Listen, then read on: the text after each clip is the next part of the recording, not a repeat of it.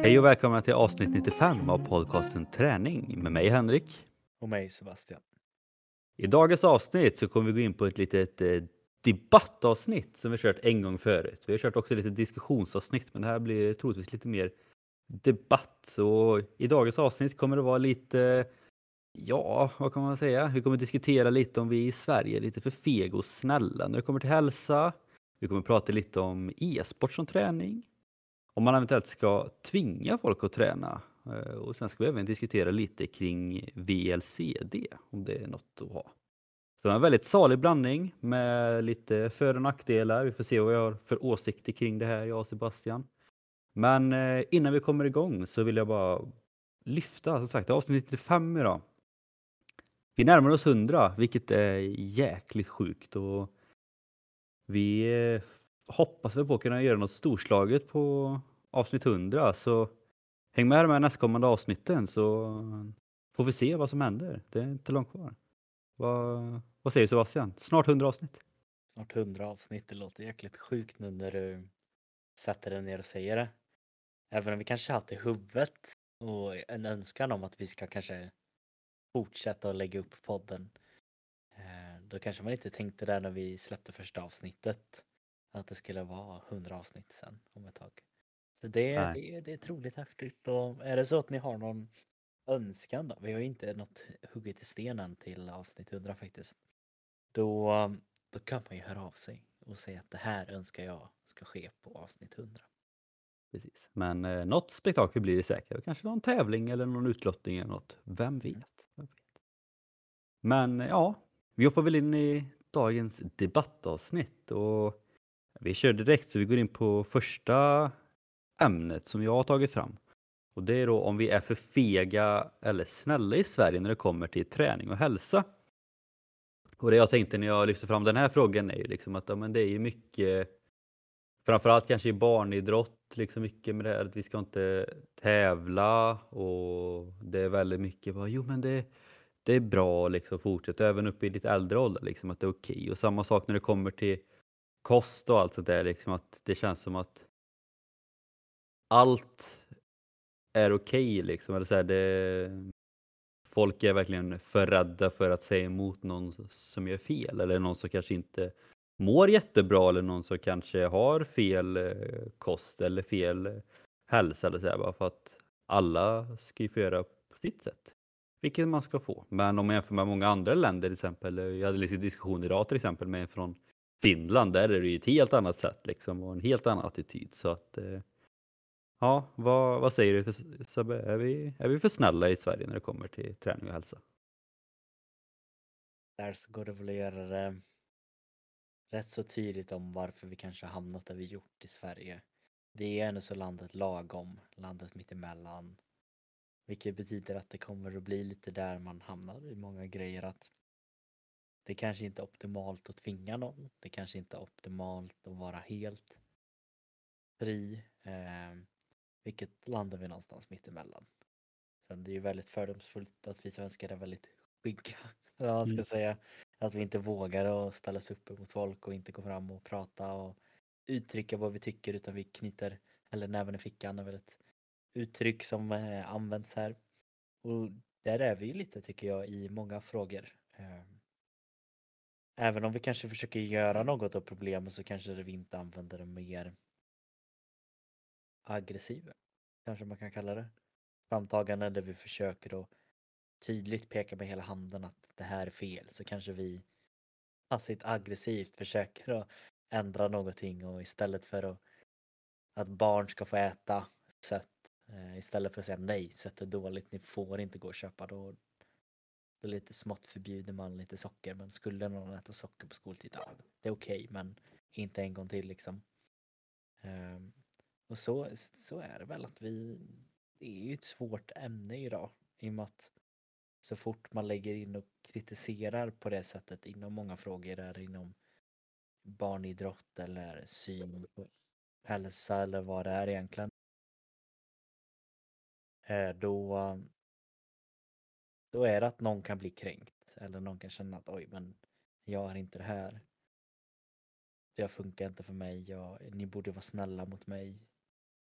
Och det, det är ju svårt, det är därför det här är med i debattämnet. Att man vet inte riktigt vad som är approachen liksom. Men ja, jag kanske, jag kan ju vara ärlig, jag har nog, folk har nog sett mig växa under denna podden. Eh, med att jag upplever i alla fall att i början så kan jag ha varit ännu lite mer den här försiktig och det är väl ändå som min approach så mycket att jag tycker hellre att man ska skynda lugnt och inte alltid peka med hela handen utan man får slika sig fram och nå fram till just den personen. Men även här i slutet på flera senare avsnitt har jag sagt att nu ska jag vara lilla elaka Sebastian eller stygga Sebastian och säga att nej men det här är inte okej okay, eller så här får vi inte göra, det här är fel. Och det är ju mer för att jag, jag har också sett och även mot mig själv väldigt många gånger har sett fördelen i att våga peka med hela handen. Ehm, för vad ska man ta som exempel då? Kanske den här med att barn som kör idrott eh, inte får lära sig att förlora. För de kan bli ledsna utav att de förlorar och jämför sig med varandra.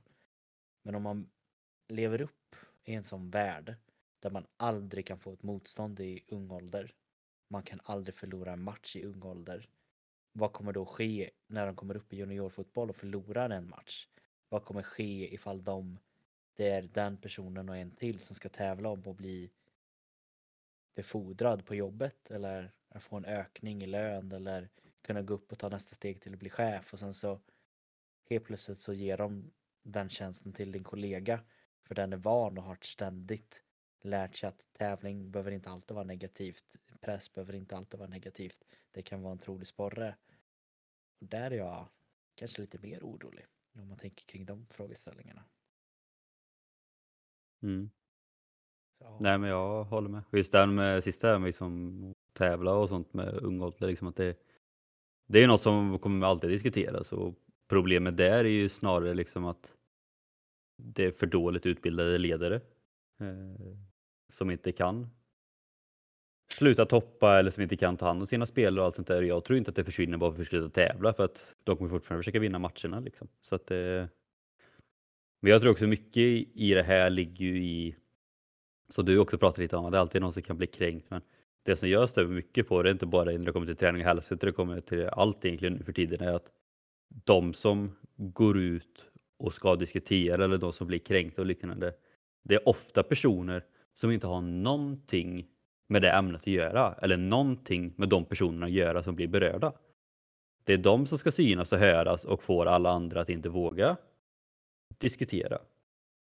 Mm. Så jag menar mycket med det här med barnidrotten till exempel, liksom att Ja, det är de som hörs mest, men det är ju det är ju föräldrar som kanske inte ens har barn som tävlar. Liksom.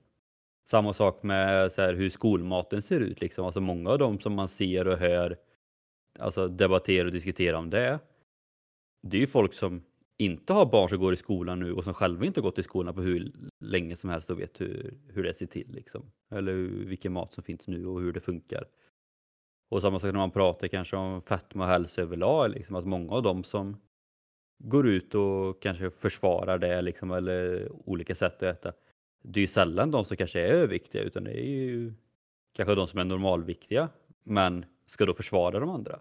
Så det är det som jag anser som har blivit att vi vågar inte gå emot någonting här i Sverige för att säger man någonting som kanske är lite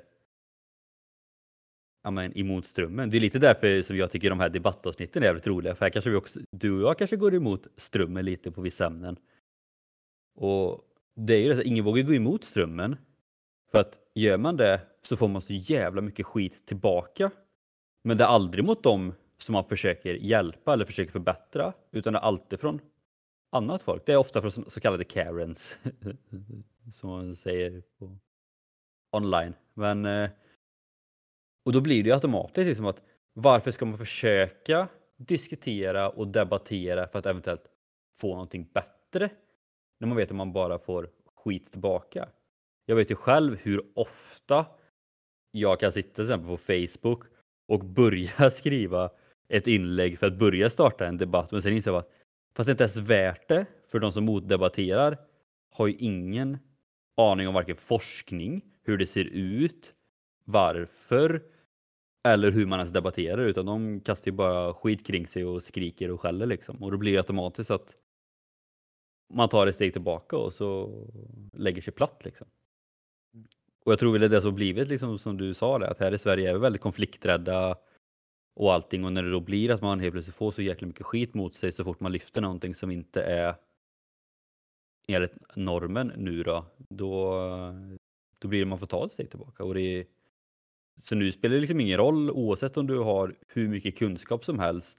För möter du en person som är kränkt så, så kan du inte vinna ändå känns det som.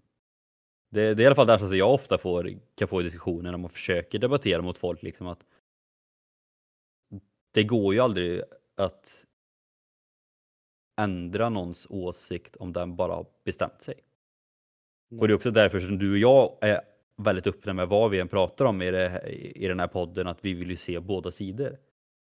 Men det är sjukt få personer som har den åsikten. Eh, vilket jag tycker är väldigt tråkigt, för jag tycker att det är det som gör att vi blir så rädda för allting här i Sverige. Det är för att folk vägrar se eh, båda sidor. Och jag tror att vi börjar bli bättre på det för att kunna utveckla hela landet egentligen, Mm. kort och gott. Alltså, jag, jag håller ju med där att det enda som kanske är lite emot som men jag tror det är det du syftar på också, det är att grunden i ett argument är ju inte alltid att, eller diskussioner, inte att man behöver utse någon form av vinnare eh, i liksom det. Utan det är ju på något sätt att man vill, tycker jag, vilket är väldigt svårt att förstå. Eh, att, mm, och det är väl lätt för man hamnar ofta i någon form av försvarsposition när man har en väldigt stark åsikt om det. Men allting är inte så pass svart och vitt som det kan bli oavsett vad det är och speciellt eh, inte när det gäller olika former av syn på hälsan. Det enda som kanske blir det som är lite svårt just när det faktiskt rör ordet hälsa och det är inte två olika åsikter. Att man säger att någon tycker att det här är bra medan en annan tycker det är bra och i slutändan spelar det ingen roll vilket som är bra.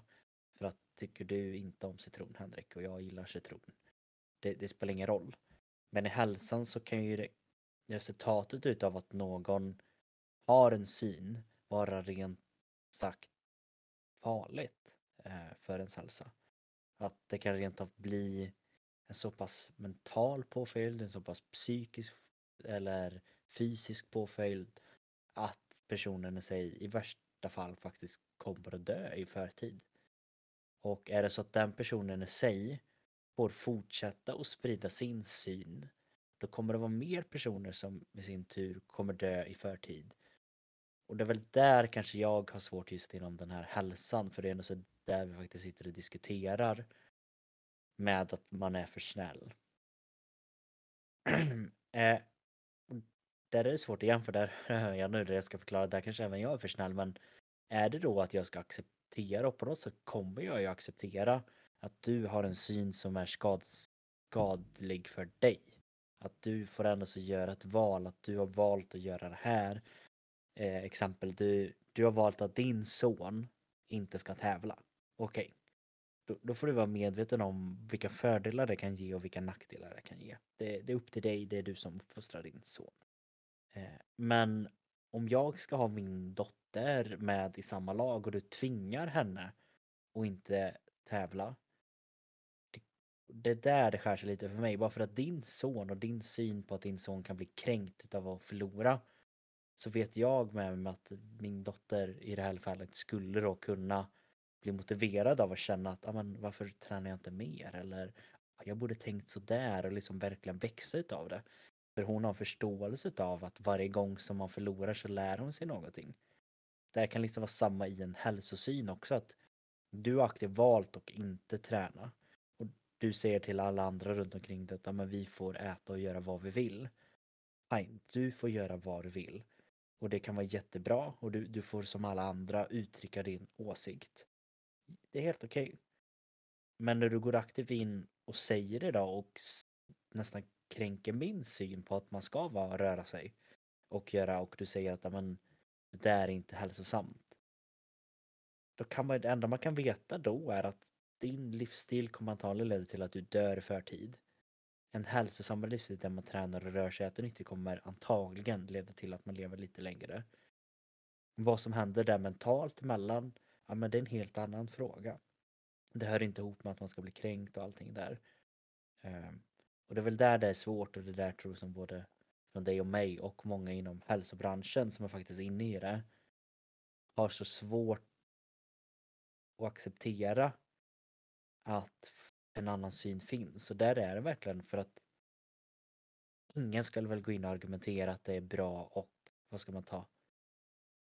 Röka crystal meth liksom. Mm. så här, att man förstår, alla som gör det, även de som gör det förstår att ah, men det här är inte bra för mig, jag kommer antagligen dö i förtid.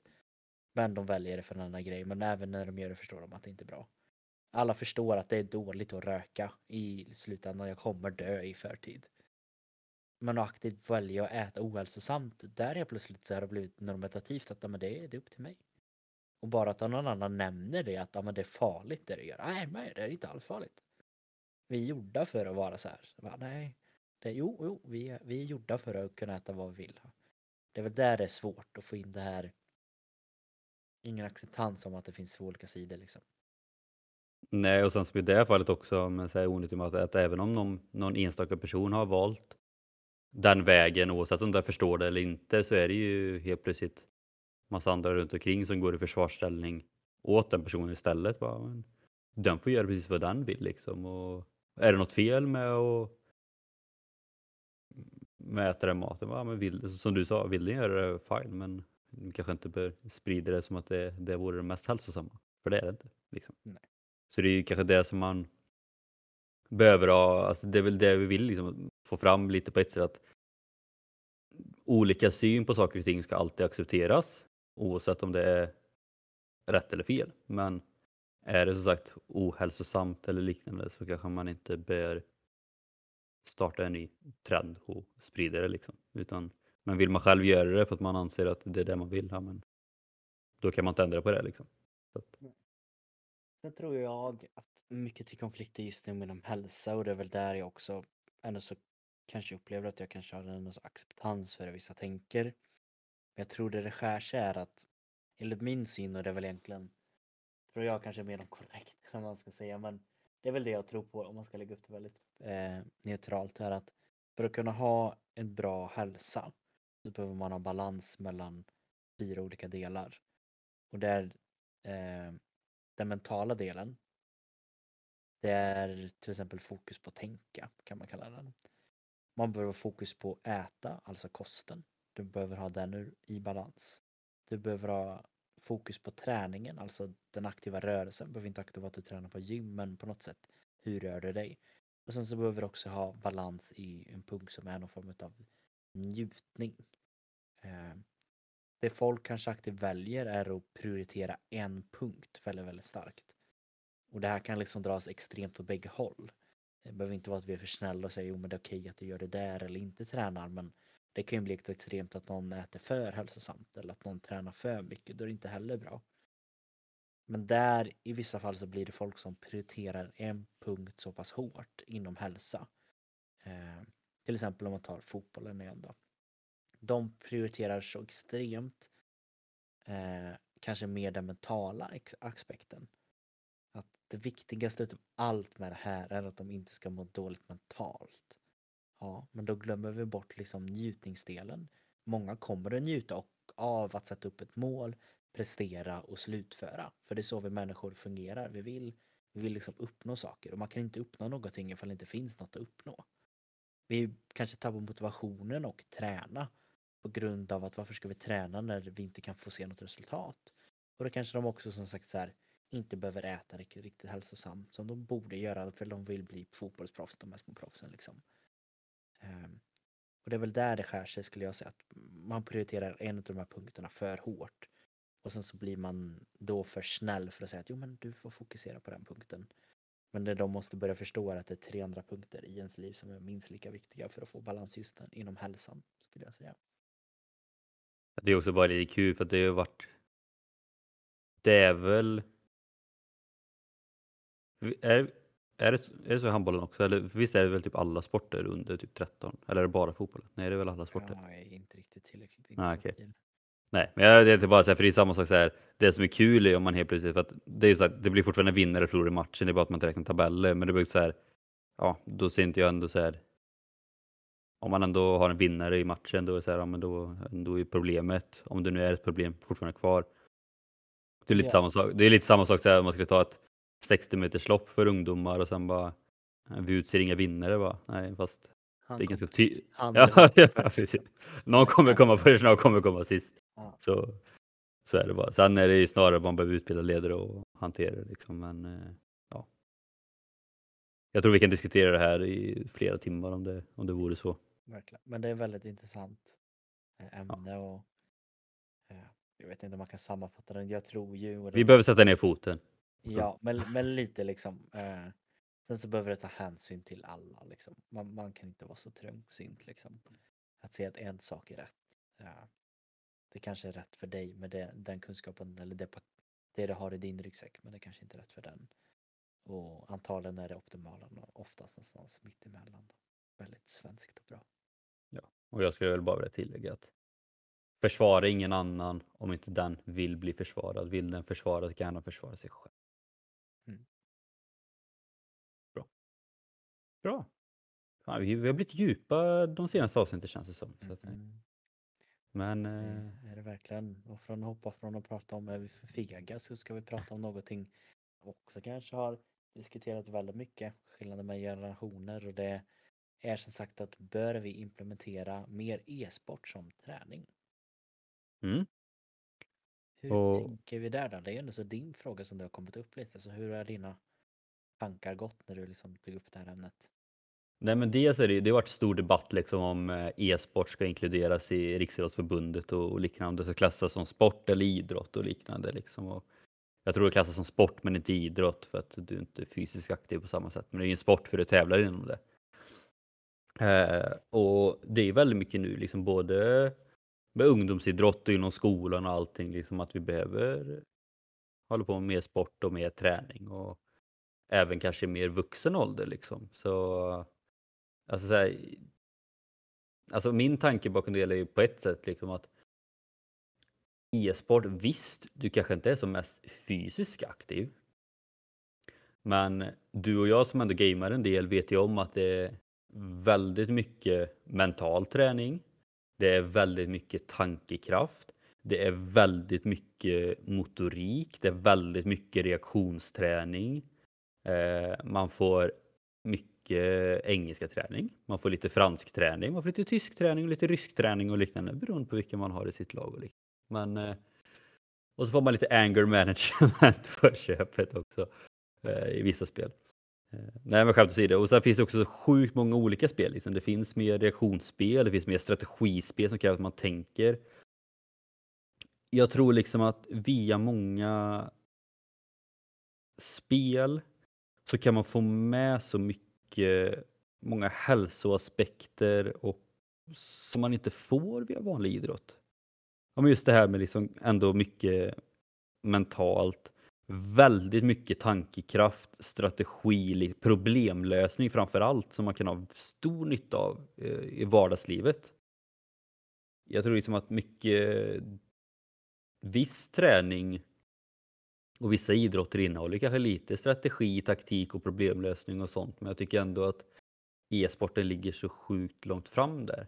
Och sen alltså kommer man till proffs i sportarna så de har ju liksom kostexperter och fysisk träning och allting så att det är ju inte så stillasittande som folk tror liksom. Utan eh, alltså de bästa har ju bra förutsättningar till det. Eh, och jag tror inte att e-sport ska ta över vanlig träning eh, och allt sånt där för då blir det nog kanske inte jättebra hälsa. Men jag tror så att man kan få med så mycket Eh, nya saker inom e-sport som man inte kan få fram i vanlig träning och framförallt mycket individuellt ansvar som krävs i många spel och i mång, mycket e-, e-sport som man kanske inte heller får i vanlig, vanlig träning och vanlig idrott. Så att om man ska ha det liksom som eh, mer föreningsidrott eller om man ska implementera det i skolan. Det vet jag inte, men jag anser som sagt att om, om fler börjar spela så tror jag att man kan ha nytta av det i vardagslivet på ett helt annat sätt. Mm.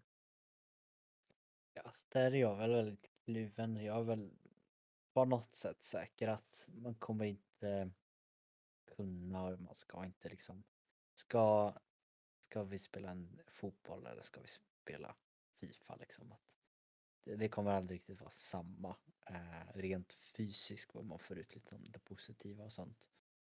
Eh, men det tror jag säkert och det kanske går ifrån lite frågan men de kommer ju bli mer implementerade i varandra.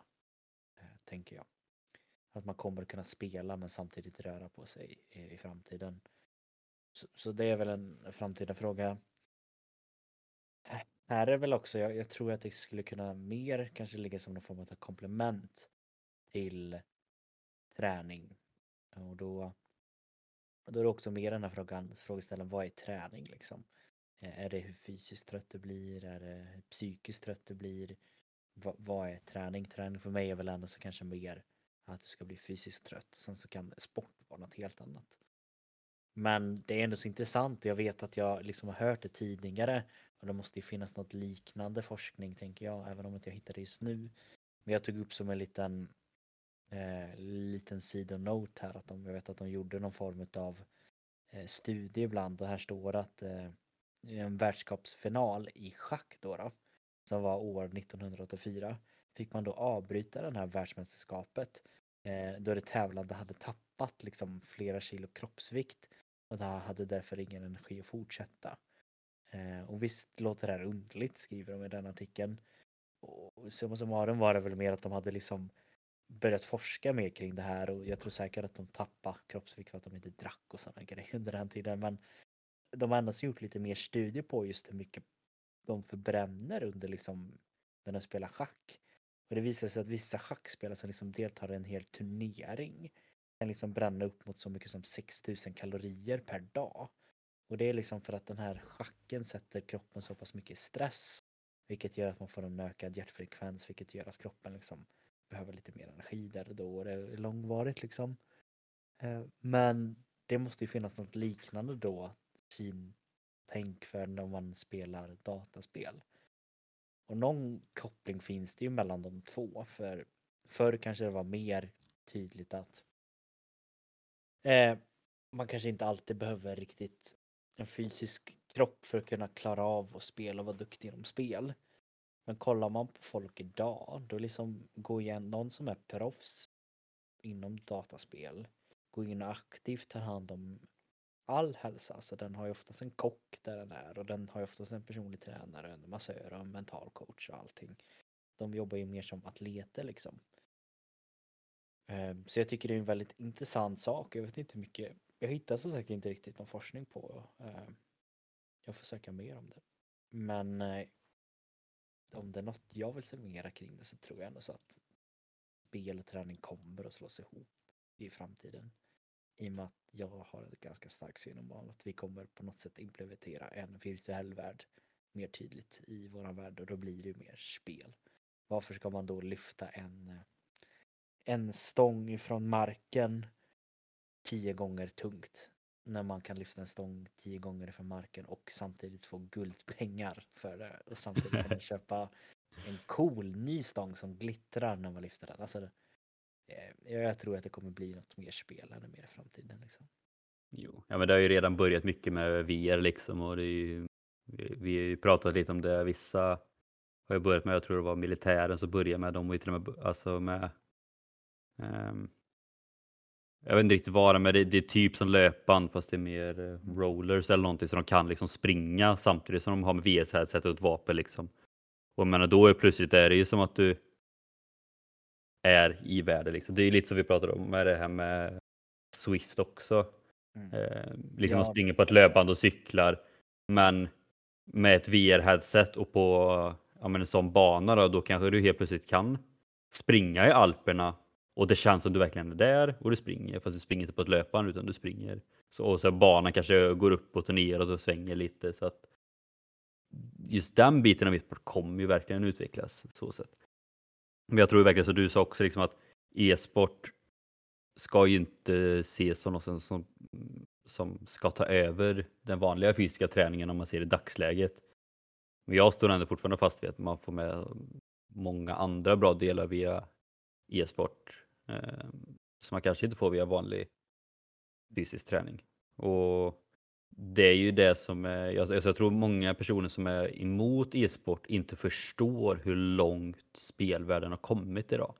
Med vilka spel som finns och hur de är uppbyggda och allting liksom och se liksom vilka, alltså, vilka krav som egentligen ställs på att ändå vara hyfsat okej okay på många mm. spel. Så att det är liksom inte bara att du behöver vara snabb på att klicka på tangenter eller musen som många tror utan det krävs verkligen strategi, problemlösning, eh, kommunikation, samarbete och liknande. Och det behövs ju alltid i vardagen. Så att jag tror ändå att man kan tjäna väldigt mycket på att implementera det mer.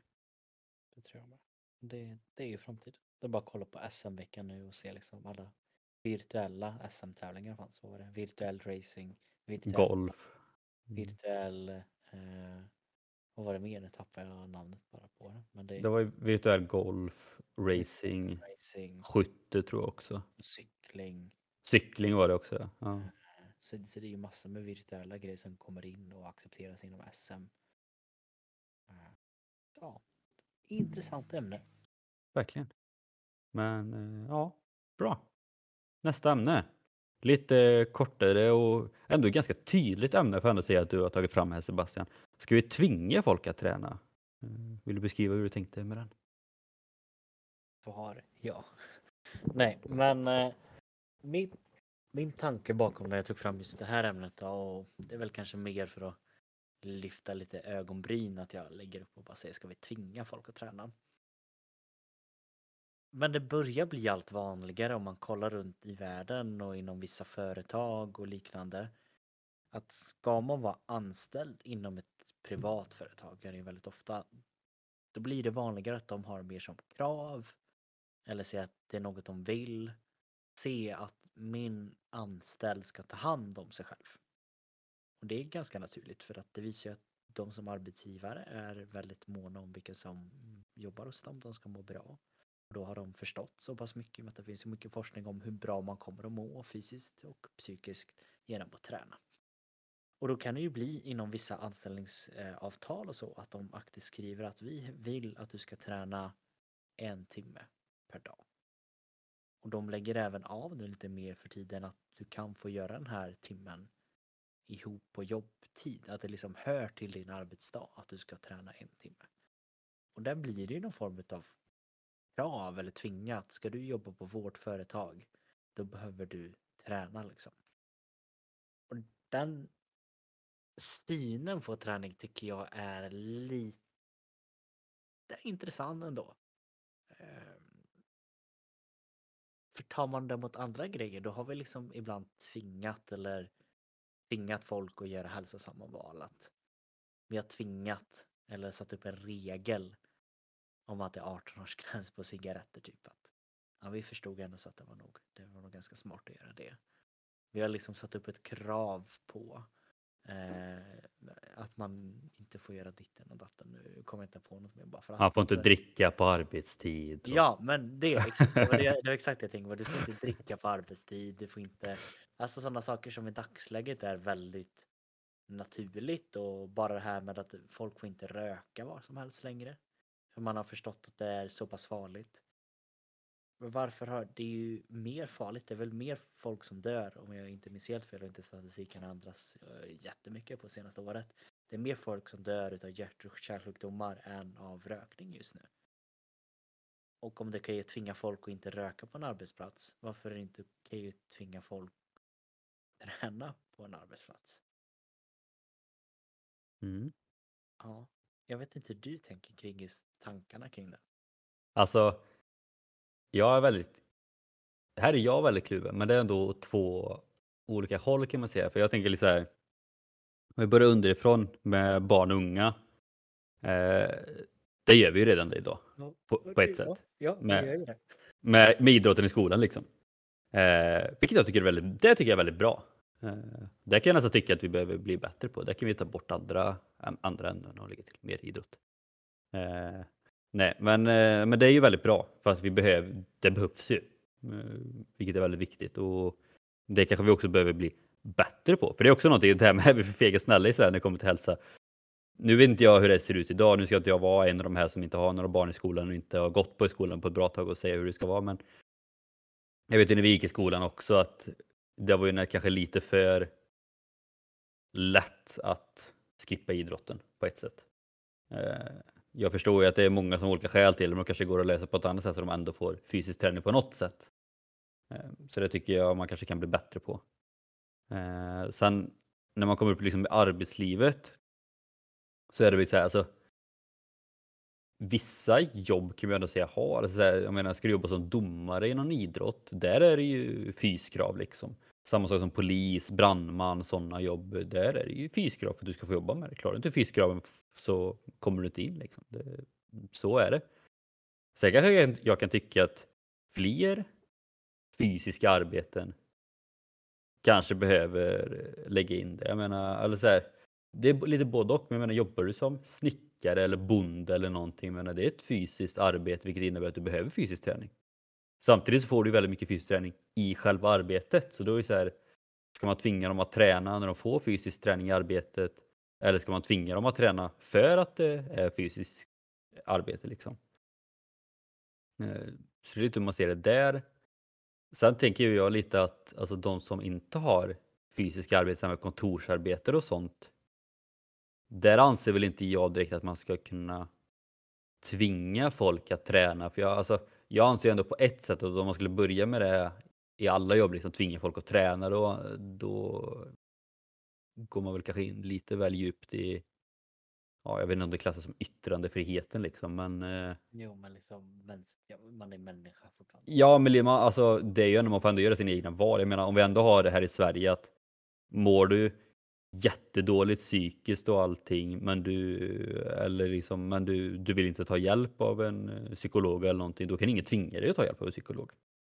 Jag menar om vi har de reglerna så anser väl inte jag direkt att man ska kunna bara du måste träna liksom, för att få jobba här. Liksom. Då anser jag då, då går man emot eh, ja, mänskliga rättigheter lite eller så här, liksom att man får ha sina egna val. Eh, även fast det kanske är de som har stillasittande jobb som kanske behöver det mest så anser jag ändå inte att man ska, kan tvinga dem att träna. Däremot anser jag att man ska tvinga arbetsgivare att erbjuda möjligheter till att träna för de som vill eller behöver det. Jag tror att det är det som är rätt väg att gå. Ehm, och att man i så fall motiverar folk till att kanske träna på arbetstid. För Jag tror också mycket liksom där när det kommer till motivation, det är ju också pratat tidigare med inrytt motivation, liksom att tvingar man folk att träna så vill de ju inte träna. Medan om man istället skulle öka möjligheten till exempel att man kanske skapar ett gym på arbetsplatsen eller man har lunchpass att erbjuda och så motiverar man det till alla som är där liksom. Jag tror att det är mycket bättre för att få folk att börja träna även eh, Agda 62 som snart går i pension och aldrig har rört sig hela sitt liv kanske kan tycka det är kul bara för att det är ett gruppträningspass på arbetstid med sina arbetskollegor som hon tycker om. Kontra att eh, man ska komma där liksom bara att jo, nu måste ni börja träna en timme varje dag här. Då tror jag många kan liksom vara bara nej, det, jag vill inte eller jag hinner liksom inte. Det, nej. Så jag tror att eh, tvinga i de arbeten som kräver att man behöver vara, alltså ha någon form av fysisk kapacitet. Jag menar, jag vill Alltså, sen beror det också på vad man har. Alltså, så inom polisen finns det så många olika områden. Eh, så jag tycker fortfarande man kanske kan ta in folk som inte är jättevältränade för de kanske kan göra något kontorsarbete eller någonting. Men mm. jag hade ju inte kanske varit jättesäker om, eller samma sak om mitt hus börjar brinna och det kommer en brandman som har alltså som blir jätteanfodd och får mjölksyra genom att bara kliva ur bilen liksom. Det känns ju inte jättesäkert. Så att så sätt så i sådana arbeten ja, men då, då ska det vara krav på att träna. För det, är liksom, det kan vara skillnad mellan liv och död. Men i vanliga jobb kanske det är mer att tvinga äh, chefer att erbjuda möjligheter till det istället. Mm. Det är väl så jag ser på det. Ja, jag tror väl det skulle vara lösningen också. Det är väl det jag landat i. Men jag tycker ändå så det är väldigt intressant. eh, Liksom. Just den här frågeställningen som jag ställt mig själv att du är ändå så, som exempel, när jag var inne och jobbade som lärare, jag var tvingad nu, nu röker inte jag, jag hade inte velat röka på skolgården. Du var tvingad att röka. Men alltså så här, de som, de som rökte, de var tvingade, alltså det var liksom krav på dem. Det stod liksom i kontrakt nästan att du får inte röka på skolgården. Ja men varför? Ja, men vi vill inte att eh, barnen ska bli påverkade utav det liksom. Väldigt, det blir- väldigt rimligt. Ja, men där blir det ju också att andra blir påverkade av det. Mm, jo. Och det blir väl kanske då att man blir också väldigt tvingad att man inte får vara så pass nära skolgården. För då kan de ju bli aktivt påverkade av att se att någon annan gör det. Men det är ju samma sak där att om du aktivt går ut för att göra något ohälsosamt annat inom hälsan till exempel. Eh, inte röra på dig och att det syns eller på andra sätt. Att då kommer ju folk också bli påverkade av det. Det är en väldigt intressant syn bara tycker jag på det. Men jag tror ju också lösningen är att man ska ge så pass mycket motivation att det i princip är ett klart val att röra på sig. Eh, att man, folk säger, ja men ska vi korta ner arbetsdagarna? Det kan vi göra, eller så istället för att korta ner arbetsdagen en timme så är det att en timme ska starkt läggas på träning och så får man välja det själv att vill jag sluta en timme tidigare och göra det att jag går ut och går en lång promenad eller åker till gymmet. Eller ska jag vara kvar på kontoret och fortsätta jobba liksom. Eh, det kommer ju vara en jättemotivation ifall något sånt hade kommit. Det är ju lite med som friskvårdstimme. Problemet är ju bara att på många jobb så har man typ inte tid eller kan nyttja friskvårdstimmen på arbetstid. Så det är ju, Nej, jag ska lägga ut en passiv grej, en passiv aggressiv grej här till mina friskvårdstimmar jag hade. För jag fick en friskvårdstimme, kanske två per vecka. Eh, och jag fick inte lägga, och det var på skola. Så ni som vet vilken skola jag var på, ni vet vilken skola det är jag pratar om. Och jag fick inte lägga de här i slutet av dagen eller i början av dagen. Utan jag skulle få in den någonstans i mitten utav dagen. Och hur ska jag kunna få in min friskvårdstimme i mitten utav dagen när jag har lektioner? Ska jag bara inte känna för att komma på en lektion och bara nej, jag har friskvårdstimme nu. Det är liksom så här, det finns ingen logik i det. Eller bara ska jag också känna att nej, men jag tar ut min friskvårdstimme nu, men ska inte du rätta de proven? Nej, nej, nej. Det kan vänta. Jag har min friskvårdstimme. Det är liksom så här, det är inte alls någon som har tänkt efter när de erbjuder friskvård alltså. Det nej. nej, fy. Nej, men det, var, det var ju samma sak när jag jobbade på badhus. För det var ju också liksom så att hade du tur kanske det var tillräckligt få besökare och tillräckligt mycket personal så att en person kunde gå och ta en friskvårdstimme och simma lite. Men jag menar, det är ju samma sak där. Liksom, man kan ju inte bara känna bara att nej, nu ska jag gå och ta en friskvårdstimme. Eh, vi är inte tillräckligt mycket personal för att ha koll på alla som badar här, men äh, det är väl ingen som drunknar liksom. Så, att, så det är verkligen många jobb som inte har tänkt till som du sa. Men, eh, men överlag så hade det ändå varit väldigt intressant med det här att, vi, att om vi ska tvinga folk att träna med tanke på att vi sa det förut, att vi är för fega och snälla här i Sverige när det kommer till hälsa. Så att det kanske är det vi behöver för att få lite ordning på det här landet. Att vi behöver någon som sätter ner foten och tvingar folk att börja träna. Ja, alltså så här, hade vi tvingat folk att träna en timme per dag, jag lovar att vi hade kunnat dra ner, det låter sjukt men jag tror ju på något sätt att vi borde kunna dra ner på skatten. För det borde vara mindre som blir sjuka i sådana sjukdomar, vilket borde leda till att det inte behöver läggas lika mycket pengar på sjukhusen, vilket betyder att de inte borde behöva lika riktigt mycket pengar, vilket betyder att inte vi behöver betala lika mycket skatt. Exakt. Win-win. Eller hur? Jag menar det, alla håller med. Nu är det väldigt långsiktigt, väldigt Ja. komiskt inslag i det. Jag hoppas att ni förstår ni som lyssnar. Men alltså tanken är ändå så rolig att leka med. Det, det är det. Verkligen. Eh, vi behöver lite komik idag också. Oh, ja. Sista då. Eh, är VLCD något att ha?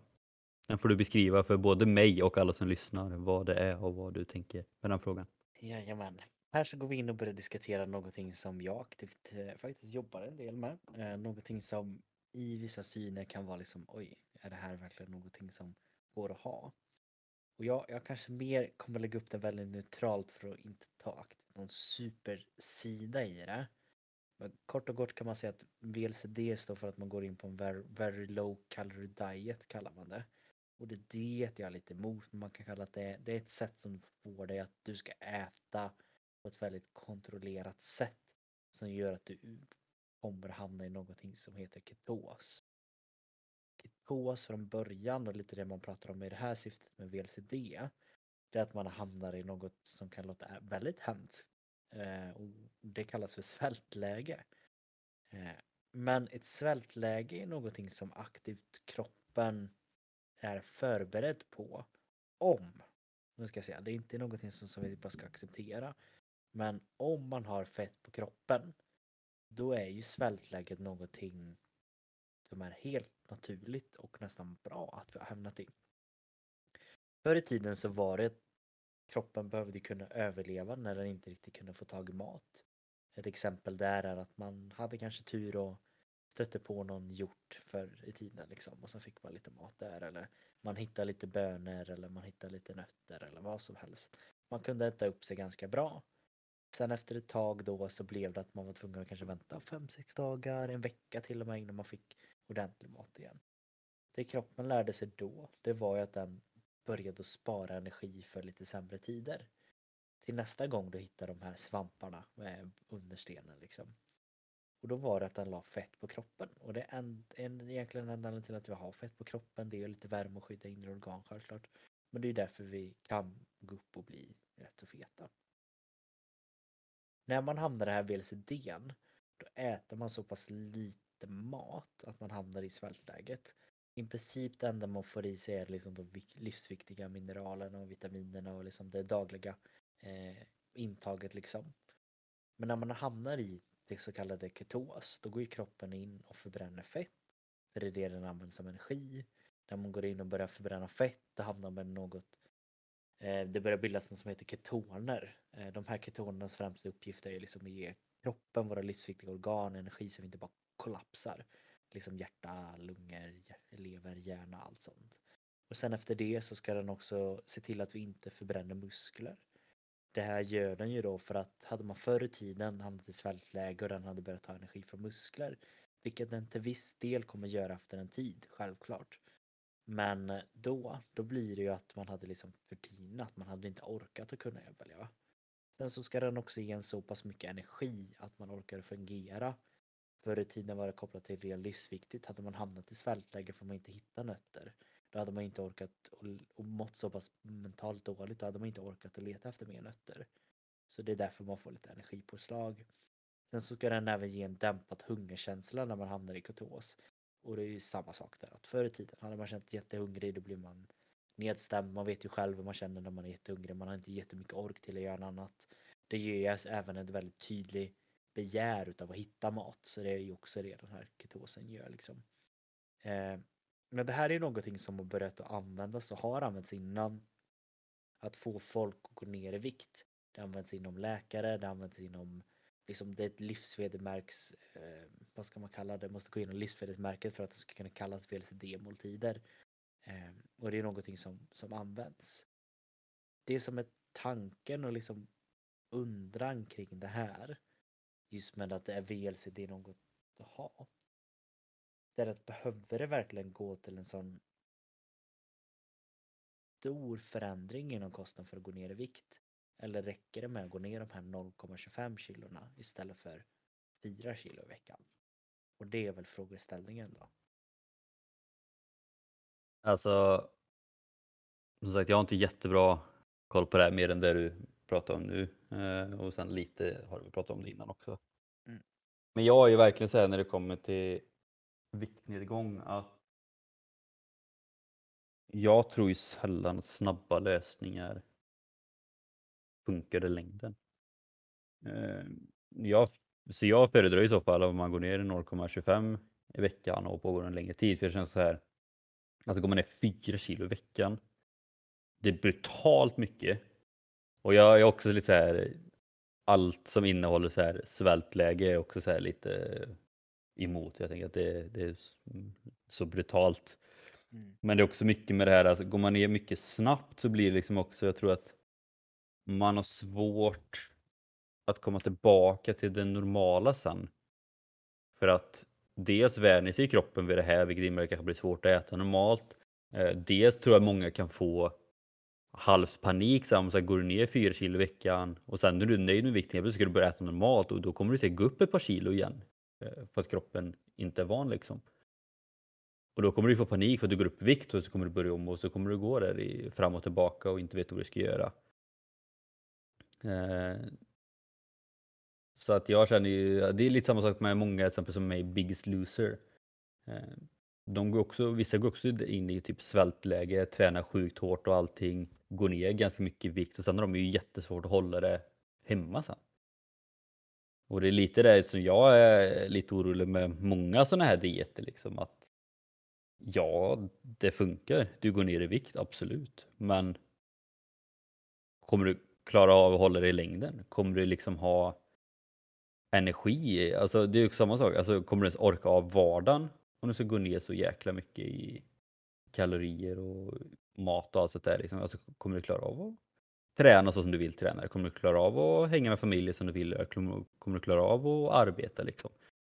Men sen är det som allt annat. För vissa kommer det vara skitbra och funka fantastiskt och för vissa kommer det vara världens undergång liksom och inte funka alls eller få honom att må ännu sämre. Eh, både fysiskt men även mentalt kanske. Så att jag tror väl överlag att det alltid är bättre att sikta på något mer långsiktigt och vill man hålla på med något sånt där då ska man verkligen alltså trappa ner till det så att man inte går från att ha levt ett normalt liv och sen är plötsligt så ska man bara om man aldrig har testat innan helt plötsligt bara nej nu ska jag gå in i svältläge liksom. Det, det tror jag inte är jättebra. Så det är ju väldigt intressant ämne.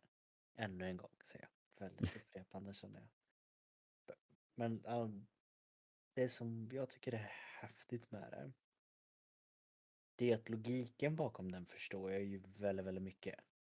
Det är ju som sagt anledningen till varför vi har fett på kroppen är ju för att vi ska klara av de här dipparna liksom. Så man kommer ju gå ner i vikt. Eh, så enkelt är det och vi kommer att överleva. Så enkelt är det. Det som kan vara risker med den och det jag hoppas folk förstår. Det är att det krävs en väldigt, väldigt bred kunskap eller till och med inte bred, förlåt, en väldigt specifik kunskap om vad det här är och hur man optimerar det. Och speciellt det Henrik pratade om. Hur man hoppar på det och hur man går av det. Vem som helst kan, kan, du kanske, vad var det? Nej men jag tänkte bara hoppa in lite, det känns också som att det krävs en oerhört bra kunskap om sin egna kropp också. Ja, det, där går jag väl och argumenterar emot att jag jobbar mm. mycket med det. Utan, ja, det, har man inte gått på en VLCD då har man väldigt svårt att förstå hur pass bra man mår under en VLCD. I och med att kroppen är liksom gjord för att hamna i svältläge. Det är därför vi har fett på kroppen. Men det är också svårt att säga med 100% säkerhet att du kommer må superbra. Och gör man det, att man kan garantera det, då ljuger man ju. Man vet ju inte hur kroppen reagerar. Men det är ändå så gjort för att skicka ut alla de här hormonerna så att man ska kunna fungera. Det som är svårt med det och det som är det svåraste det är hur man måste ha kunskapen till vilka mer saker man måste tillsätta på en VLCD. För att inte hela systemet ska kollapsa. Alltså man måste tillföra rätt sorts fibrer, man måste tillföra rätt sorts fetter. Man måste verkligen vara väldigt noga med allt runt omkring. Eh, för att det ska bli så optimalt som möjligt. Och sen så måste det också vara en väldigt, väldigt tydlig individuell återgång. Hur du ska gå tillbaka från en VLCD till en normalkost. För det är det där som det viktiga faller liksom. Ja, för det är där många faller att ja, de ser det mer som en quick fix. Att jag ska gå på en vecka och sen nästa vecka så kan jag äta vanligt. Men så är det ju inte. Men VLCD kan vara en jätte, jätte motivationsboost om du vill gå ner 20 kilo för du ska ha ett bröllop och du ska passa en klänning och känna att du själv kan lysa och känna dig mer självsäker än någonsin och då blir den här punkten njut igen. Att det är det viktigaste för dig att kunna verkligen njuta och verkligen kolla på dina bröllopsfoton och se att oj vad bra jag passar i smokingen eller liksom i klänningen. Det kan ju vara jätte, jätteviktigt, verkligen hela ens liv och det, det kan vara jättevärt att gå på en VLCD. Men det är inte så kul om man går tillbaka efteråt. Och då måste man ju ha den kunskapen av att hur kan jag gå tillbaka och äta sen? Inte som förr, utan hur ska jag kunna äta bättre? För har du gått tillbaka som förr, då kommer du gå tillbaka till samma vikt som förr. Du måste ju också göra en ändring efter en VLCD med din kost. Mm. Där är jag Ja. mer, min tanke är att ska VLCD ens vara någonting som accepterar att man säljer om det inte hör ihop med att det är något krav eller någon som, någon som är, liksom, har kunskap i den. För då förstör det lite syftet nästan tycker jag. Men jag, jag anser i så fall liksom att de som ska kunna implementera det här och sälja det både som, alltså som koncept och allt det där. Det är i så fall någon form av utbildad dietist eller så i så fall. Ja. Alltså att det är någon som kan det här, kan lägga upp ett schema. Okej, så här gör du, så här funkar det, så här trappar du ner och kommer igång med det, så här kommer du trappa ut sen och, och komma ur det eller vad man säger och då ska du börja äta så här istället. Mm. För att om vem som helst kan börja med det här konceptet, liksom så här, då, är jag, då är jag ändå orolig. Liksom. Men får man någon som är utbildad inom det och har liksom, om man säger, forskning, vet hur det funkar och allt sånt där. Men då är det en helt annan sak. Det är ju lite samma sak som vi har pratat mycket om med träning. Liksom så här, att, amen, ska vem som helst som eh, har gått en eh, helgkurs få kalla sig personlig tränare? Vissa kanske, vissa kanske har koll på det, men vissa kan ju också vara, eh, lägga upp träningsprogram som kanske är en skaderisk för den personen. Till skillnad mot någon som kanske har gått en treårig utbildning eller har fem års arbetserfarenhet liksom och vet hur det funkar. Det är samma, alltså, samma sak med om någon ska bygga ditt hus. Vill du ha någon som ah, jag har snickrat lite på träslöjden i skolan kontra någon som har gått eh, bygglinjen och sen kanske lite arkitekturlinje på universitetet eller någonting. Liksom. Alltså, det är ju det som jag tycker är, nu är inte, alltså jag är inte jättebiten i kost och jag är emot de flesta dieter överlag. Men det är ju också bara för att det är så sjukt många samma sak det är som med träning. Det är så många influencers, det är så många hobbyjournalister och allting som bara lägger upp om den här dieten är det bästa folk läser och så börjar med dem med det och så antingen funkar det inte eller så mår de dåligt eller så fastnar de i ätstörningar och liknande. Liksom. Men kommer det från någon som vet hur det funkar och är utbildad inom ämnet, har liksom en kandidatexamen eller masterexamen eller någonting. Då litar jag ju på den personen. Liksom. Så att, och då tror jag också att det är mycket lättare för de som vill testa det här att må bra och få framförallt få rätt effekt på det. För det är också det som är risken med om man inte har experthjälp att man testar någonting och så får man ingen effekt på det och så mår man bara dåligt överlag. Ja, det är väl det, det, är det man landar i liksom.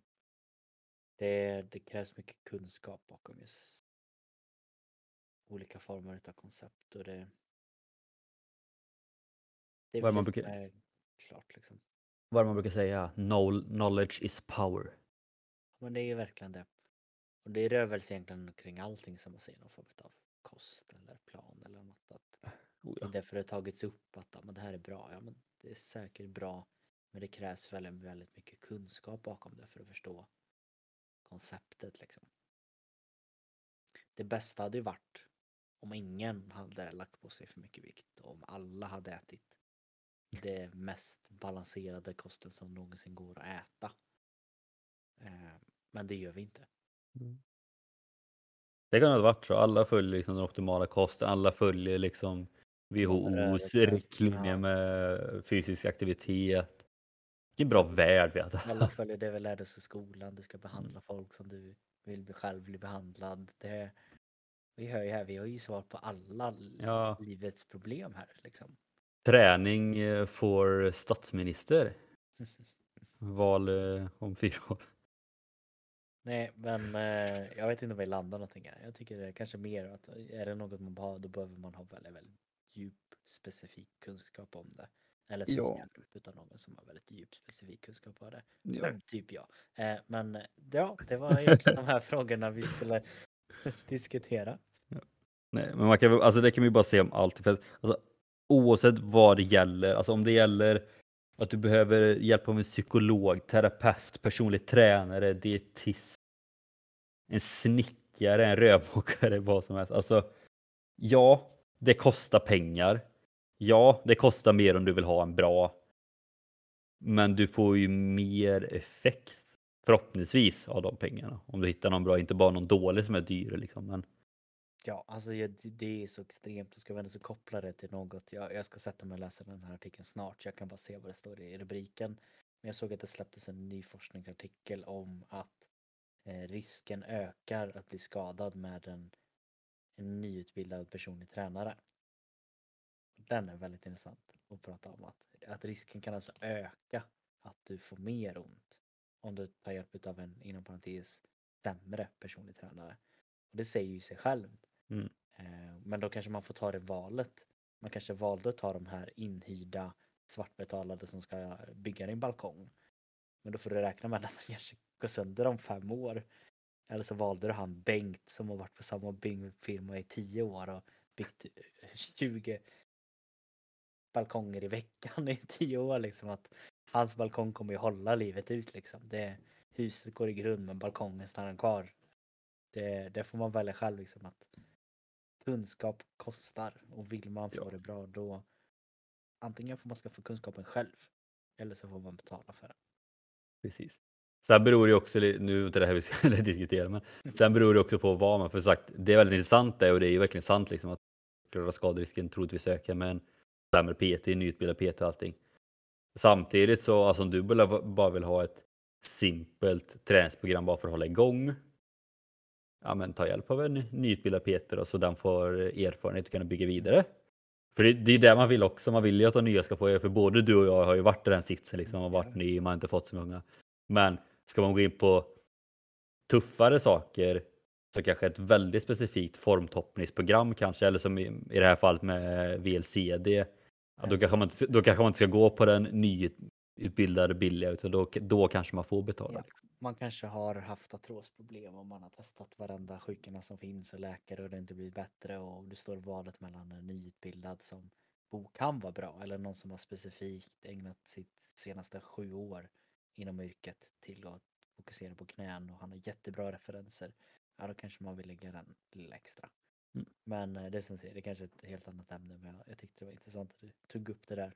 Mm. Jag ska sätta mig sen och läsa om detta så får vi se om det kanske kan bli ett avsnitt om det. Det vet man aldrig. Ja, det kan vara intressant. Bra. Mm, Bra.